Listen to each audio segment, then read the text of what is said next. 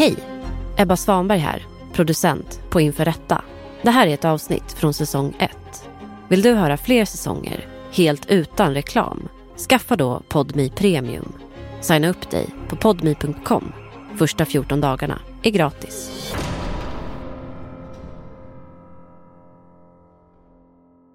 Bror Amir Amdoni, kom ihåg hans namn. Okej, vem är det? Om det är knas och han sitter och behöver hjälp, ta han. Han är nära mig. Han är advokat. Han har hjälpt oss att justera många fall. Januari 2021. Det är lördags eftermiddag. Tre personer sitter i en bil på en bensinmack. Circle K vid Kungens kurva. Plötsligt träffas bilen av över 20 skott avlossade från en annan bil. Två personer träffas. En person, en ung man, dör omedelbart. Eh, det pratades tidigt om eh, nätverkskopplingar, att det här skulle vara en del av den konflikt som polisen menade i vart fall hade pågått ungefär tio år. Mordet kopplas till en konflikt mellan två kriminella grupperingar. Och när polisen utreder brottet granskas en rad krypterade chattar mellan gängmedlemmar. I chattarna upptäcker polisen något märkligt. Ett alias verkar gömma någon som läcker hemlig information till gängledare. Eh, prinsen. Mm. Har du kallats prinsen någon gång? Jag har aldrig kallat mig själv för prinsen, nej. Vare sig privat eller i något arbetssammanhang. Snart misstänker polisen att aliaset döljer två högt uppsatta och välkända advokater. Jag har skickat den här hemliga bilagan, något som jag eh, skäms för eh, otroligt mycket. Och det som avslöjas visar sig vara på liv och död. Men däremot har han ju ett rykte om sig att ta kontraktsmord på olika sätt.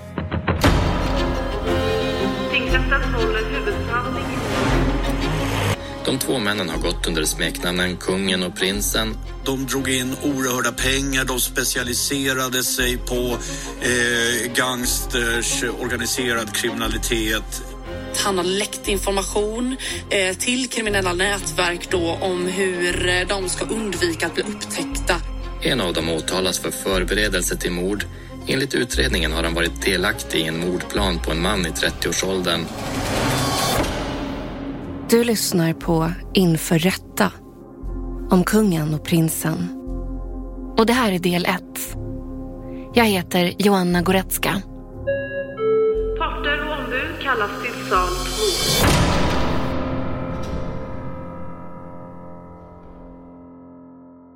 Södertörns tingsrätt den 16 juni 2022. Det som utspelar sig här i tingsrättens säkerhetssal idag är unikt. Två män förs in i rätten. Två före detta toppadvokater. Den ena mannen har snaggat hår. Det är 29-åriga Amir Amdoni. Den andra, Ekrem Güngör, är en 42-åring med gråsprängt skägg. Grundare till en advokatfirma i centrala Stockholm. De är misstänkta för en rad grova brott och har blivit kända som gängens advokater. Kriminella i kostym. På plats i säkerhetssalen är också åklagarna i målet. Eva-Marie Häggqvist och Patrik Sonevang. De påstår att Ekrem och Amir har gjort sig skyldiga till att ha läckt hemlig information till gängledare.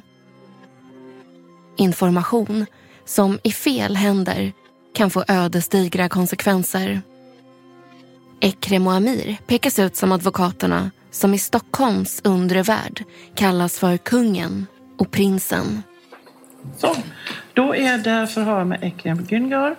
Nu har du hört vad åklagaren påstått under den här åtalspunkten 2.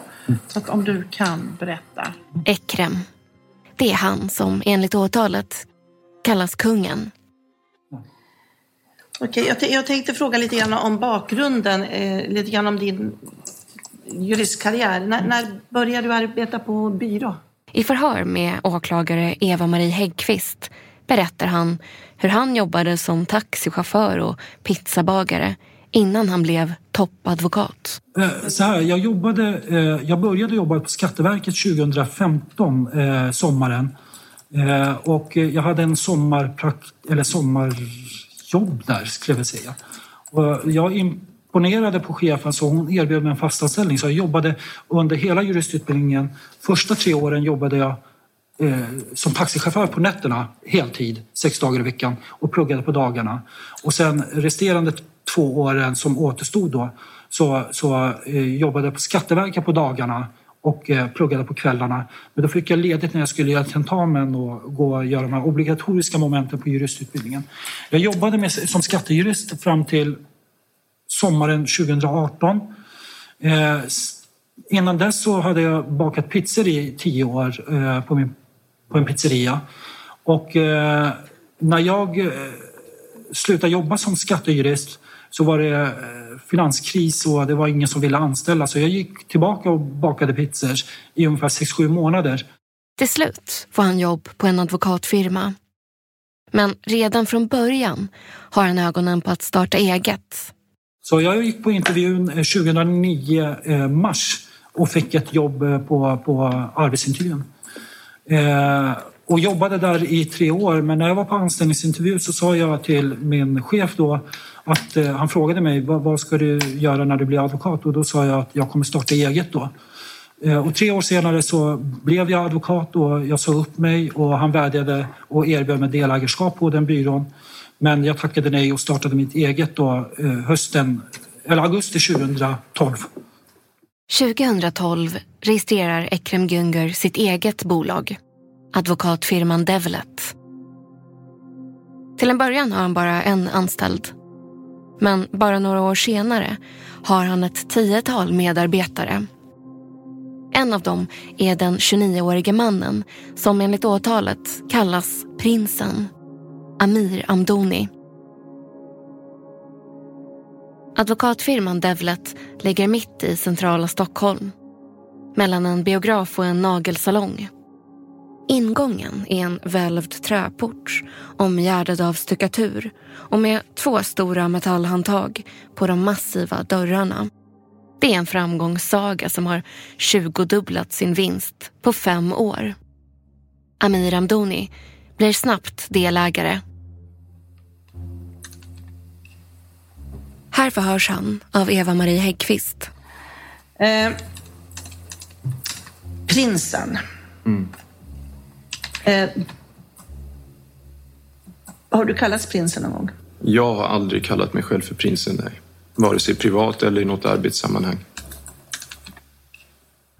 Kammaråklagare Eva-Marie Häggkvist står framför Amir och frågar om han någon gång har kallats prinsen. Han nekar till det.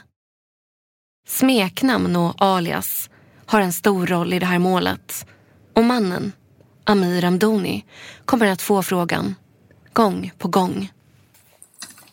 Eh, prins Amir betyder ju prins på arabiska. Bland annat, ja. Eh, vet du om någon annan på byrån kallas för prins? Jag har inte känt till att någon på byrån kallas för prins eller kung.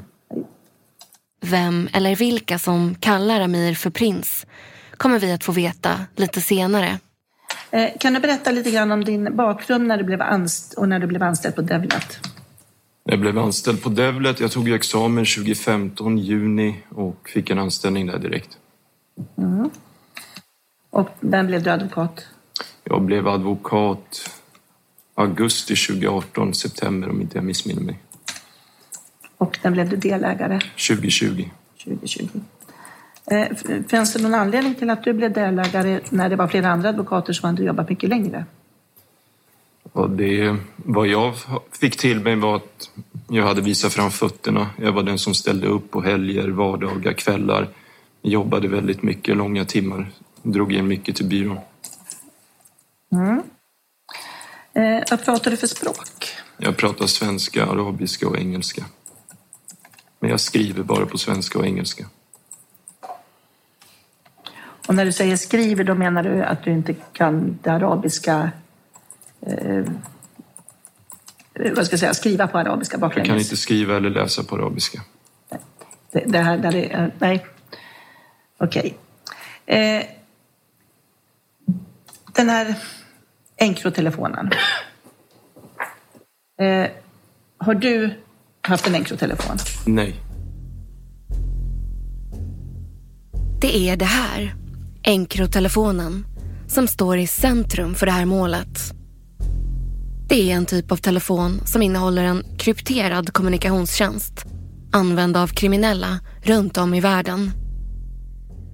Enligt åtalet har båda advokaterna använt sig av en sån telefon.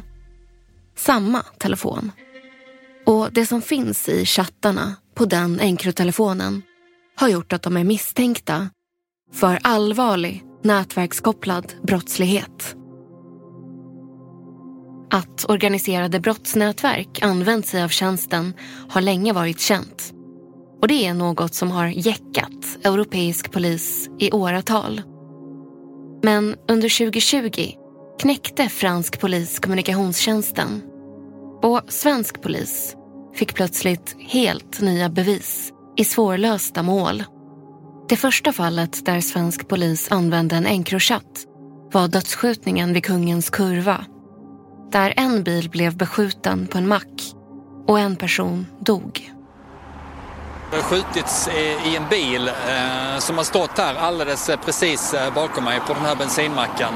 Det var två unga människor som blev beskjutna vid macken som ligger i Kungens Kurva strax utanför Stockholm.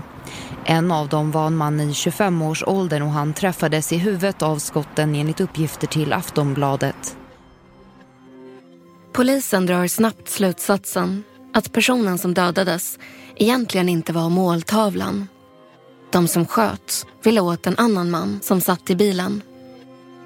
Mannen, som överlevde, anses vara en ledare i ett kriminellt nätverk. Man lyckas inte identifiera skytten. Men föraren i den bil som det sköts från åtalas för mord.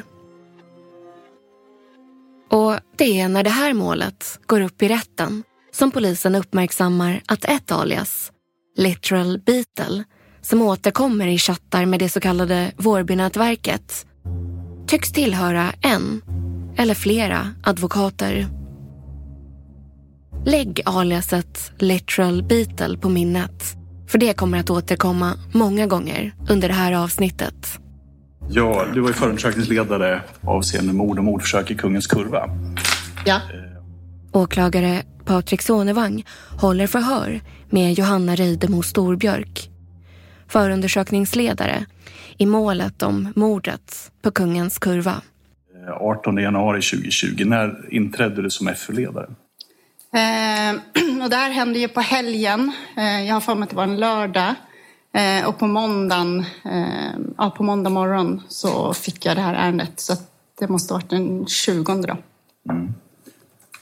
Och fick du någon information om eventuell nätverkskoppling eller nätverkskopplingar i det här målet? Ja, redan tidigt så eh, pratades det om att målsäganden, eller en av målsäganden den som man eh, trodde och som sen eh, ja, såväl tingsrätt som hovrätt kom fram till att hade varit målet för det här. Eh, han, eh det pratades tidigt om eh, nätverkskopplingar, att det här skulle vara en del av den konflikt som polisen menade i vart fall hade pågått ungefär tio år. Johanna Reidemo Storbjörk berättar att den misstänkte i fallet, föraren i bilen som det sköts från, begär en särskild försvarare. Eh, ja, han eh, begärde eh, Amir Amdoni. Och sen eh, har det hållits förhör och häktningsförhandlingar eh, har ägt rum. Och där har jag förstått att du eh, belade bland annat då försvararen med yppandeförbud. Mm. En försvarare som beläggs med yppandeförbud får inte yttra det som sägs under häktningsförhandlingarna till någon utomstående. Kommer du ihåg om det var en bit in i utredningen eller om det var direkt? Jag har för mig att det var väldigt tidigt i utredningen. Eh, anledningen till det var att eh, dels så var det väldigt medieuppmärksammat det här målet. Eh, det skrevs väldigt mycket om det i tidningarna. Eh, dels så fick jag information tidigt från polisen, jag tror att det var redan första veckan, att eh, Admir Amdouni var en advokat som man misstänkte läckte information. Eh, och det var anledningen till att eh, jag beslutade om att det skulle vara yppandeförbud. Sen under utredningens gång så har jag förstått att det inkom, ni fick material från Frankrike, Encrochattar. Mm. Jag begärde inte själv in material utan jag fick det från andra åklagare som hade begärt in det i andra utredningar. Mm. Och vad, vad framkom med de här chattarna? Var det någonting särskilt som stack ut? Eh, ja, jag minns det tydligt för det var precis innan jag skulle gå på semester. Eh, det var precis innan sommaren 2020. Så ringde då eh, ansvarig utredningsledare till mig och eh, då hade man fått material, eller man hade, vi hade inte tagit in det formellt utan man hade liksom fått kännedom om att det fanns då Encrochattar som kunde beröra Kungens kurva. Då fick jag se, då var det inte bearbetat på något sätt, men då fick jag se vissa av de här chattarna och kunde direkt konstatera att det här hade med Kungens kurva att göra och det handlade om tre stycken telefoner som var viktiga i utredningen som hittades på kvällen den dagen som skjutningen var, den 18 januari, under en rutschkana på en förskola i, i Vårby gård. Mm. Det var liksom de initiala uppgifterna. Sen fick vi in fler eh, Encrochattar. Och enligt min uppfattning så var det tydligt att eh, det var kommunikation mellan Eh, ja, det, när vi började gräva det här så menar jag att det framkom att det var Amir Ambone som hade haft kontakt med eh, personer i Vårbynätverket. Det här är en förbluffande misstanke. En advokat som tros läcka detaljer från utredningen till ett kriminellt nätverk. Och vad hände när du drog de slutsatserna att eh, Amir Amdoni var inblandad i det här? Ja, precis innan sommaren där så fick jag bara några få uppgifter och då, jag minns faktiskt inte då om vi visste vem det var som skrev. Vi misstänkte väl att det var Amir Amdoni, men sen eh, efter sommaren så fick jag mer material Eh, och eh, på grund av det som jag läste så vände jag mig till min chef eh, och Eh, för att jag tyckte att det skulle upprättas en anmälan om att eh, Amir hade brutit mot yppandeförbudet. Amir Amdoni blir avstängd från fallet och senare misstänkt för brott mot yppandeförbud. Det kommer vi att återkomma till senare. För det slutar inte där. Enkroaliaset literal Beatle förekommer i fler chattar med gängkriminella. Och genom att följa telefonens rörelsemönster kan polisen härleda aliaset till både Amir Amdoni och Ekrem Güngör. Medan fallet Kungens kurva avslutas med en fällande dom mot föraren så staplas nu misstankarna mot de två toppadvokaterna. För på det fina innerstadskontoret ligger en enkrotelefon. En krypterad kanal ut i den undre världen. Det står snart klart att innehållet i chattarna kan utgöra allvarliga brott. Det handlar om allt från narkotikabrott till skyddande av brottsling. Men också brott där människors liv direkt står på spel. Som vi nämnde innan är Encrotelefonen brännande i målet. Och det är det som tingsrätten ska avgöra nu. Om det är Ekrem och Amir som gömmer sig bakom aliaset Literal Beetle och smeknamnen Kungen och Prinsen. Som vi har fått höra tidigare så säger Amir Amdoni att han inte har haft någon Encrotelefon. Men om sin kollega lämnar han en annan uppgift. Har Ekrem haft en Encrotelefon? Vad jag vet så har Ekrem haft en Encrotelefon, ja. Mm. Eh, vet du vad den kallades? Eller vad den hade för Encro-alias? Jag vet inte vad den hade för Encro-alias, nej. Hur var kunskapen på byrån om de andra? Ja, de andra visste de om att Ekrem hade en Encrotelefon? Ja, det skulle vilja påstå. Det var väl allmänt känt i branschen som jag förstod det, att Ekrem hade en Encrotelefon. Eller att byrån hade det. Ursäkta, vad sa du sista? Eller att byrån hade, alltså Eller att det fanns en på byrån i vart fall. Om inte jag missminner mig så var det en förhandling i februari, kanske januari, februari, mars. Där under 2020 i alla fall, där Ekrem hade visat upp den vid en huvudförhandling för någon rådman. Så det var ingenting som det var som man försökte dölja på något sätt utan det var en vanlig telefon helt enkelt. Mm. Visste du vad det var för lösenord till den? Nej, Visst, vet du jag om- visste inte om att det fanns ett lösenord ens. Så det var inte så att det var allmänt känt på byrån att alla visste vad det var för lösenord? Jag kan bara prata för mig själv, jag visste inte om det. Ändå har polisen i chattar på Encrotelefonen hittat många bevis som pekar på att Amir Amdoni var en av användarna. De har kunnat koppla ett smeknamn till honom, Prinsen. När aliaset Literal Beetle skriver en chatt så undrar ibland den som svarar om det är kungen eller prinsen som skriver. Och en ledare i Vårbynätverket har lagt in Amir Amdonis nummer under namnet Prins i sin telefon.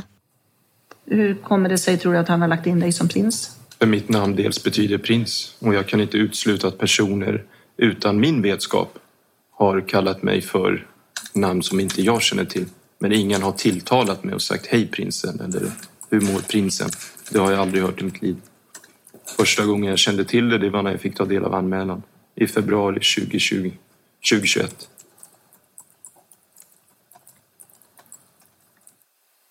Mm finns ju också någon i den här chatten som kallar sig Kungen. Är det någon som du vet kallar sig Kungen? Nej, aldrig hört det innan anmälan februari 2021. Den som åtalet menar kallar sig kungen är Ekrem. Han medger i förhör med åklagare Eva-Marie Häggkvist att firman hade en Encrotelefon. Men han säger att den användes av flera personer. Ibland också klienter. Jag, jag kan väl börja med att eh, säga att eh, det stämmer som åklagaren har eh, sagt i sin sakframställan om att jag har eh, varit en av de här brukarna i, i den här telefonen, Encrotelefonen. Jag börjar med det här. Det, lite, den här Encrotelefonen är lite arbite. Jag förstår det som att du har, det är din telefon. Det är inte min telefon. Vi, vi, eh, vi införskaffade den till kontor, alltså till advokatfirman eh, Devlet.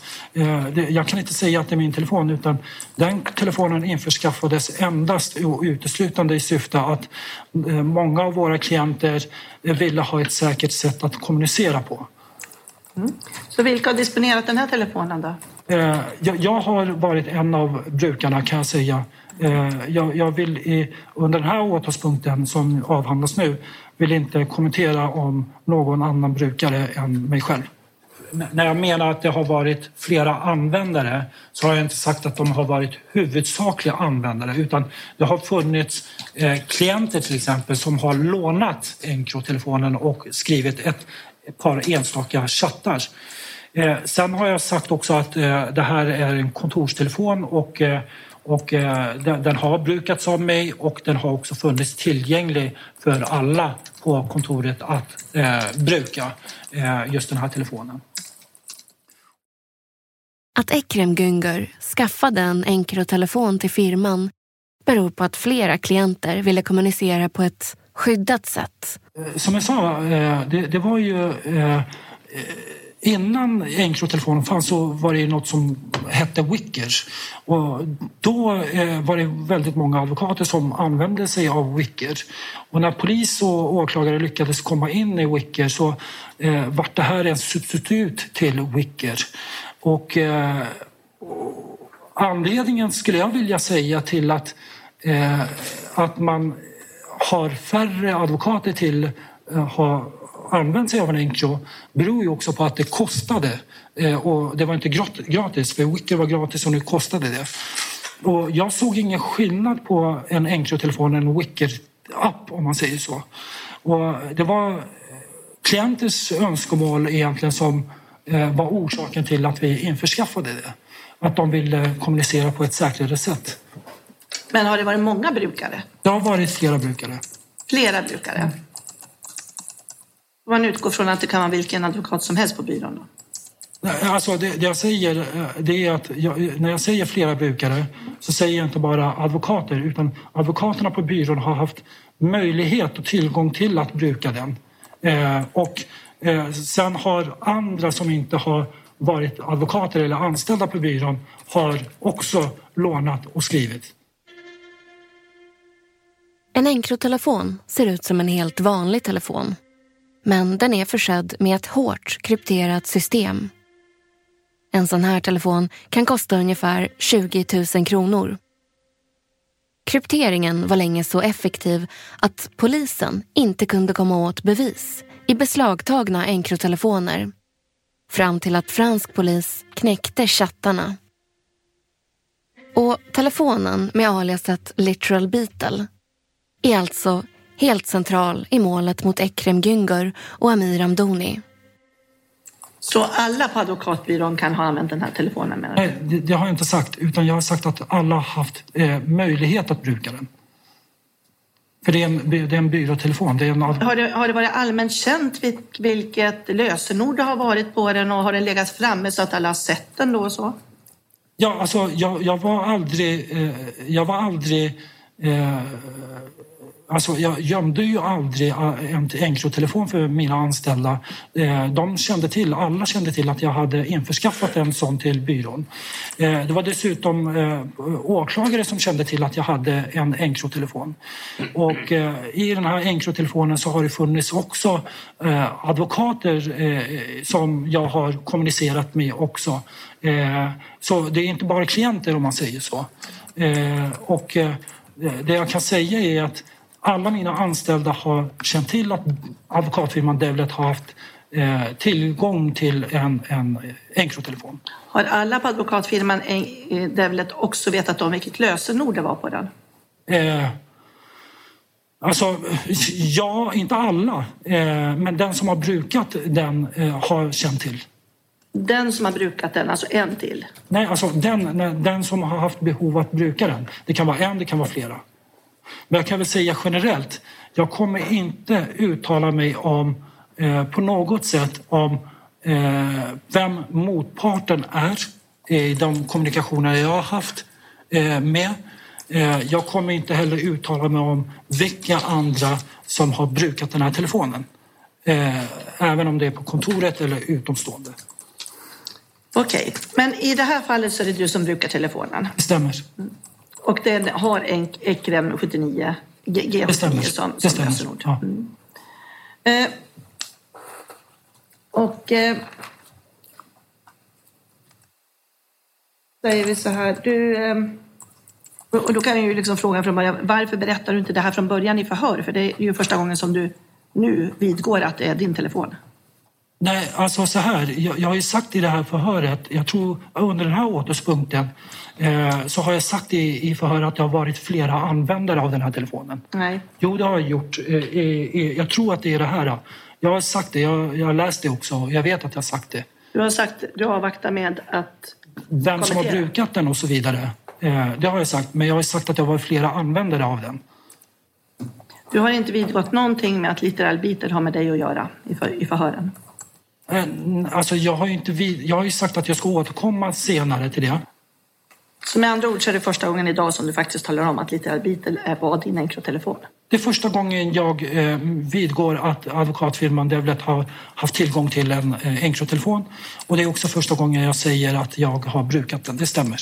Men jag har sagt att det har varit flera användare av den här telefonen. Uh. Det vet jag inte om jag håller med om. Men, men det Ta fram det sen. Förhören fortsätter. Medan Ekrem Güngör medger att han har varit en av användarna förnekar Amir Amdoni att han använt telefonen. Men som ni hört tidigare så är Amir åtalad för brott mot yppandeförbud. Alltså att han ska ha läckt hemlig information. Det här i samband med att han var offentlig försvarare i mordfallet vid Kungens kurva. Um, yppandeförbud.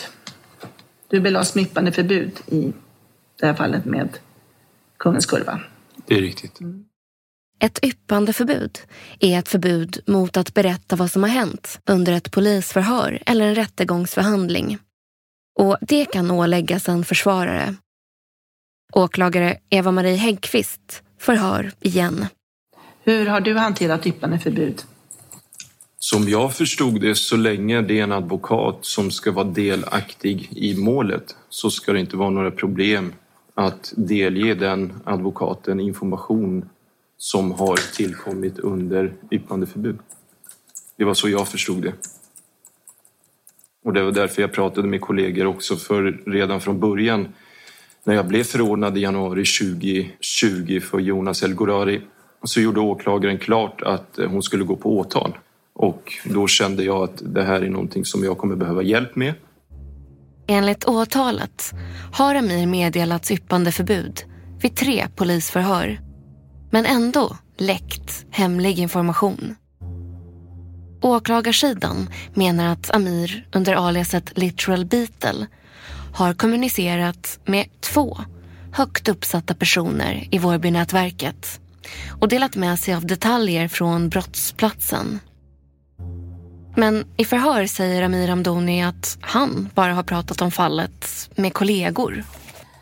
Eh, har du delgett information som du har fått ifrån förhören? Ja, det tillstår jag att jag har pratat och jag vet att det är en del av åtalet och det, det vidgår jag att jag har gjort. Men jag har inte gjort det med vetskap om att jag har bryt, brutit mot någon lag. Det har jag inte gjort. Utan det har bara varit advokater som var knutna till ärendet. Mm. Som jag har diskuterat eventuella fynd som kom fram i förhör. Eva-Marie Häggkvist frågar om en av ledarna från Vårbynätverket i förhöret. En av dem har Amir tidigare försvarat. Har du haft någon eh, när chatta med honom eller har du någon kontakt så att du, du pratar med? Alla kontakter med mina klienter skedde via min telefon. Mm. Och sen hände det att vissa klienter ringde byrån, vissa klienter som berörde mig och Ekrem kontaktade Ekrem för att boka tid eller för att fråga efter mig. Men när jag hade direkt kontakt med klienter så var det via min telefon. Mm. Uh, där var jag nu då. Uh. Om vi går till chattarna då. Mm. Eh, om vi tittar på den här... Nu får jag upp den. Chatten då den 16.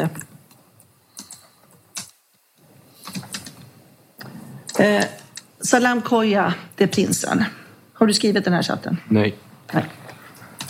Vet du vem som har skrivit det? Nej. Nej. Eh, här kommer det uppgifter om lurarna och saker som du har fått under eh, information om under förhören. Som både jag och fått, ja. Meddelandet som åklagaren läser upp innehåller hemliga detaljer om fynd från brottsplatsen som Amir fått vid häktningsförhandlingen. Men Amir Amdoni säger att både han och hans klient i målet har fått samma information om fynd från brottsplatsen. Han säger att klienten kan ha pratat med någon som i sin tur delat informationen i chatten. Kanske någon annan som jobbar på byrån. Så menar du som har skrivit den här chatten? Nej, kan jag ha pratat med någon som har skrivit det. Så det är någon av dem som har skrivit den här chatten? Jag säger att de har haft den informationen. Jag kommer inte spekulera i vem det har skrivit. Det jag vet är att jag inte har skrivit det. Mm. Men det är då, ja. Eh. Och så är det en sak till. I chattkonversationen, där hemlig information läckts, använder aliaset literal beetle arabiska uttryck med tunisiskt ursprung, såsom salam koya, som betyder ungefär fred vare med dig bror. Åklagare Eva-Marie Häggkvist börjar ställa frågor om de formuleringarna. Rabbi, ja, salam och koja.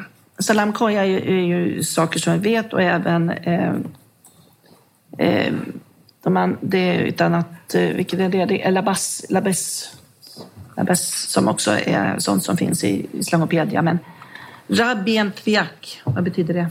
Rabbi vet jag betyder Gud. Mm. Det nämns ju även i Koranen, så för alla och envar som har någon koppling till islam i världen eller kristendomen i Mellanöstern vet vad rabbi betyder. Och Mahdi har jag läst i förundersökningen betyder med dig, så det är väl Gud med dig. Det är inget uttryck som jag använder. Ni har tömt min telefon, jag har aldrig använt det uttrycket.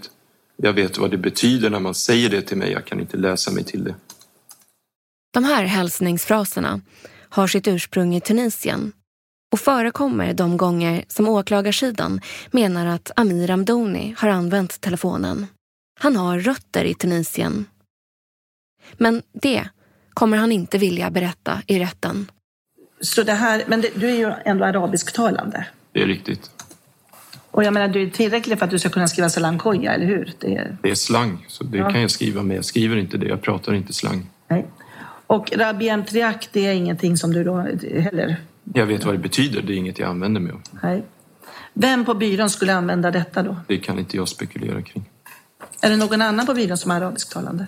Vi hörde ju precis att Ekrem behärskar begränsad arabiska. Men han vet inte vad det här betyder. Nej, men det, du ställde frågan. Mm. Eh, ja, jag... Jag tror inte jag har... Har du någonting? De är på byrån, kallas för prins. Ja, just det. Eh, vet om någon annan på byrån kallas för prins? Jag har inte känt till att någon på byrån kallas för prins eller kung. Va, vad har du för ursprung? Dina föräldrar för ursprung? Inga kommentarer. Jag är kommentar. svensk. Det förstår jag, men du pratar arabiska. Ja, mina föräldrar är också svenska medborgare så de är svenskar. Så du vill inte kommentera var ni, var ditt ursprung, dina föräldrars ursprung är ifrån då? De är svenskar. De har bara svenska medborgarskap. Är de födda i Sverige? Nej, Var är de födda? det vill inte jag kommentera. De pratar arabiska. Mm. Ja, kan vi koppla upp den här?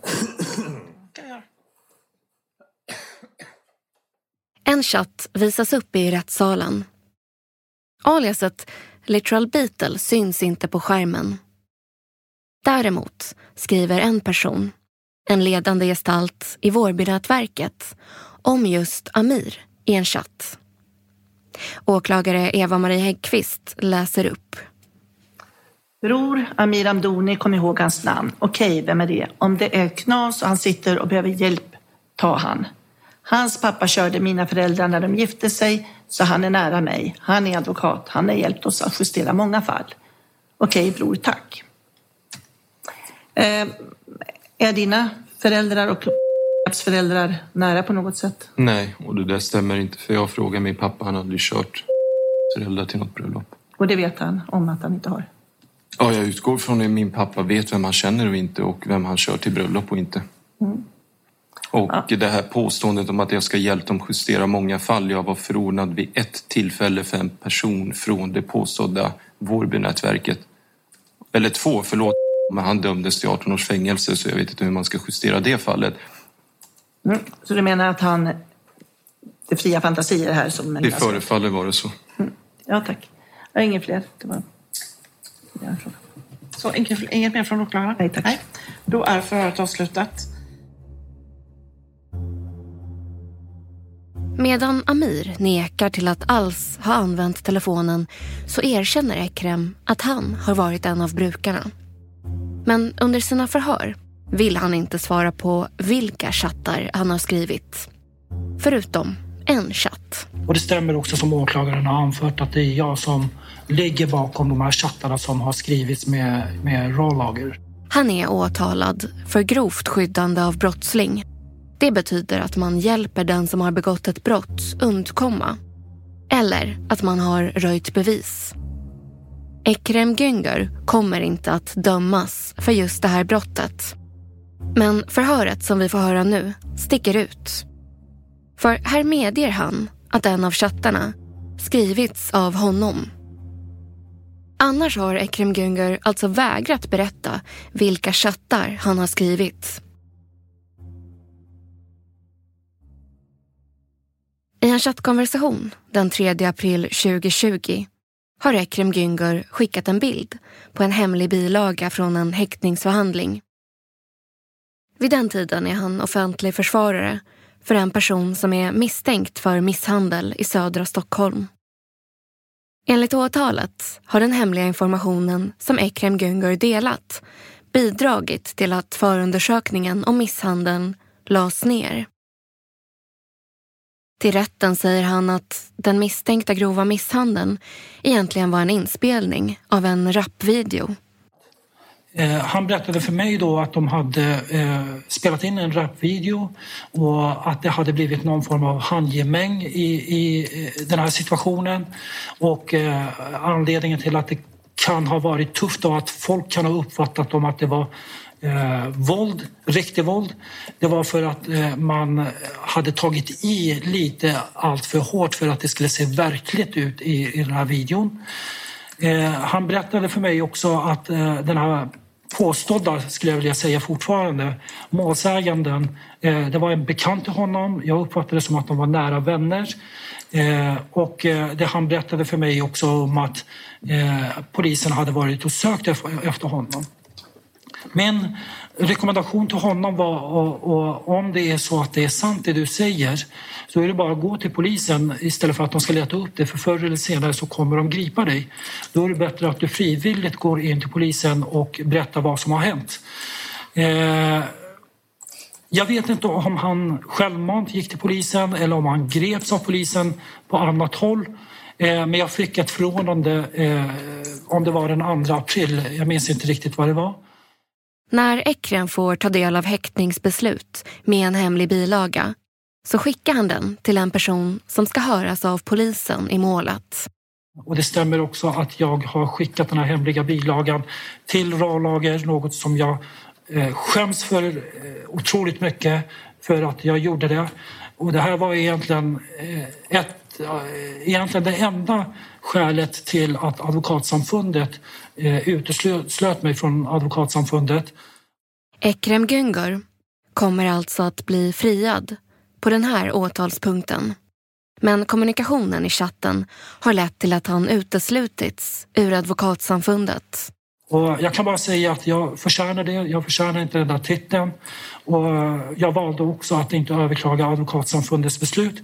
Jag valde också att inte dyka upp vid förhandlingen för att jag skämdes så jävla mycket av, eh, av mitt beteende. Eh, och sen så finns det då chattar. Eh, du säger håll det påstådda offret varmt. Vad menar du med hålla ett offer varmt? Min bedömning är att hans uppgifter, de, är, de kan inte motbevisas och eh, det finns ingen anledning för den målsägande att dyka upp. Eh, och eftersom i min värld det var att det var en musikvideo, en, en rapvideo, så skrev jag påstådda, nämligen att han inte var ett offer. Är det att hålla offret varmt? Ja, alltså offret varmt, vad, vad... Jag vet inte. Jag har ingen aning.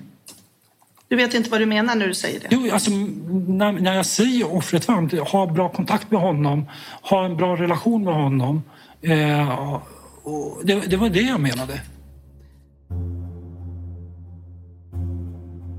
Målet mot de två advokaterna uppmärksammas på bred front. Det väcker starka känslor att två personer inom rättssystemet hjälpt nätverkskriminella att begå brott. Och det handlar inte bara om att läcka information från häktningsförhandlingar. Amir är åtalad för medhjälp till synnerligen grovt narkotikabrott. Det ska ha skett under våren 2020 då ska han enligt åklagaren ha tipsat kriminella nätverk i Vårberg om hur och var polisen använde hemliga tvångsmedel såsom kameraövervakning mot personer som är misstänkta för narkotikahandel. Men det slutar inte där. En av advokaterna är åtalad för att vara direkt inblandad i ett brott där människoliv står på spel. Ekrem Güngör är åtalad för förberedelse till mord. Och ett oväntat vittnesmål kommer att bli avgörande i fallet. Ett vittnesmål från fängelset. I nästa avsnitt. Eh, klartecken, alltså ett grönt ljus. Sätt igång med uppdraget på A och döda. Skulle få tre miljoner. Du har hört Inför rätta om kungen och prinsen. Det här var första delen. Reporter var jag, Joanna Goretzka. Redaktör Matilda Blom. Timmy Strandberg stod för ljudprofil och Simon Westerdahl stod för slutmix. Exekutiv producent var Joni Söderström Winter. Ljudklipp kommer från Aftonbladet, TV4 och Sveriges Radio. Tyckte du om detta? På Podmi kan du lyssna på ännu fler avsnitt helt utan reklam. Signa upp dig på podmi.com. Första 14 dagarna är gratis.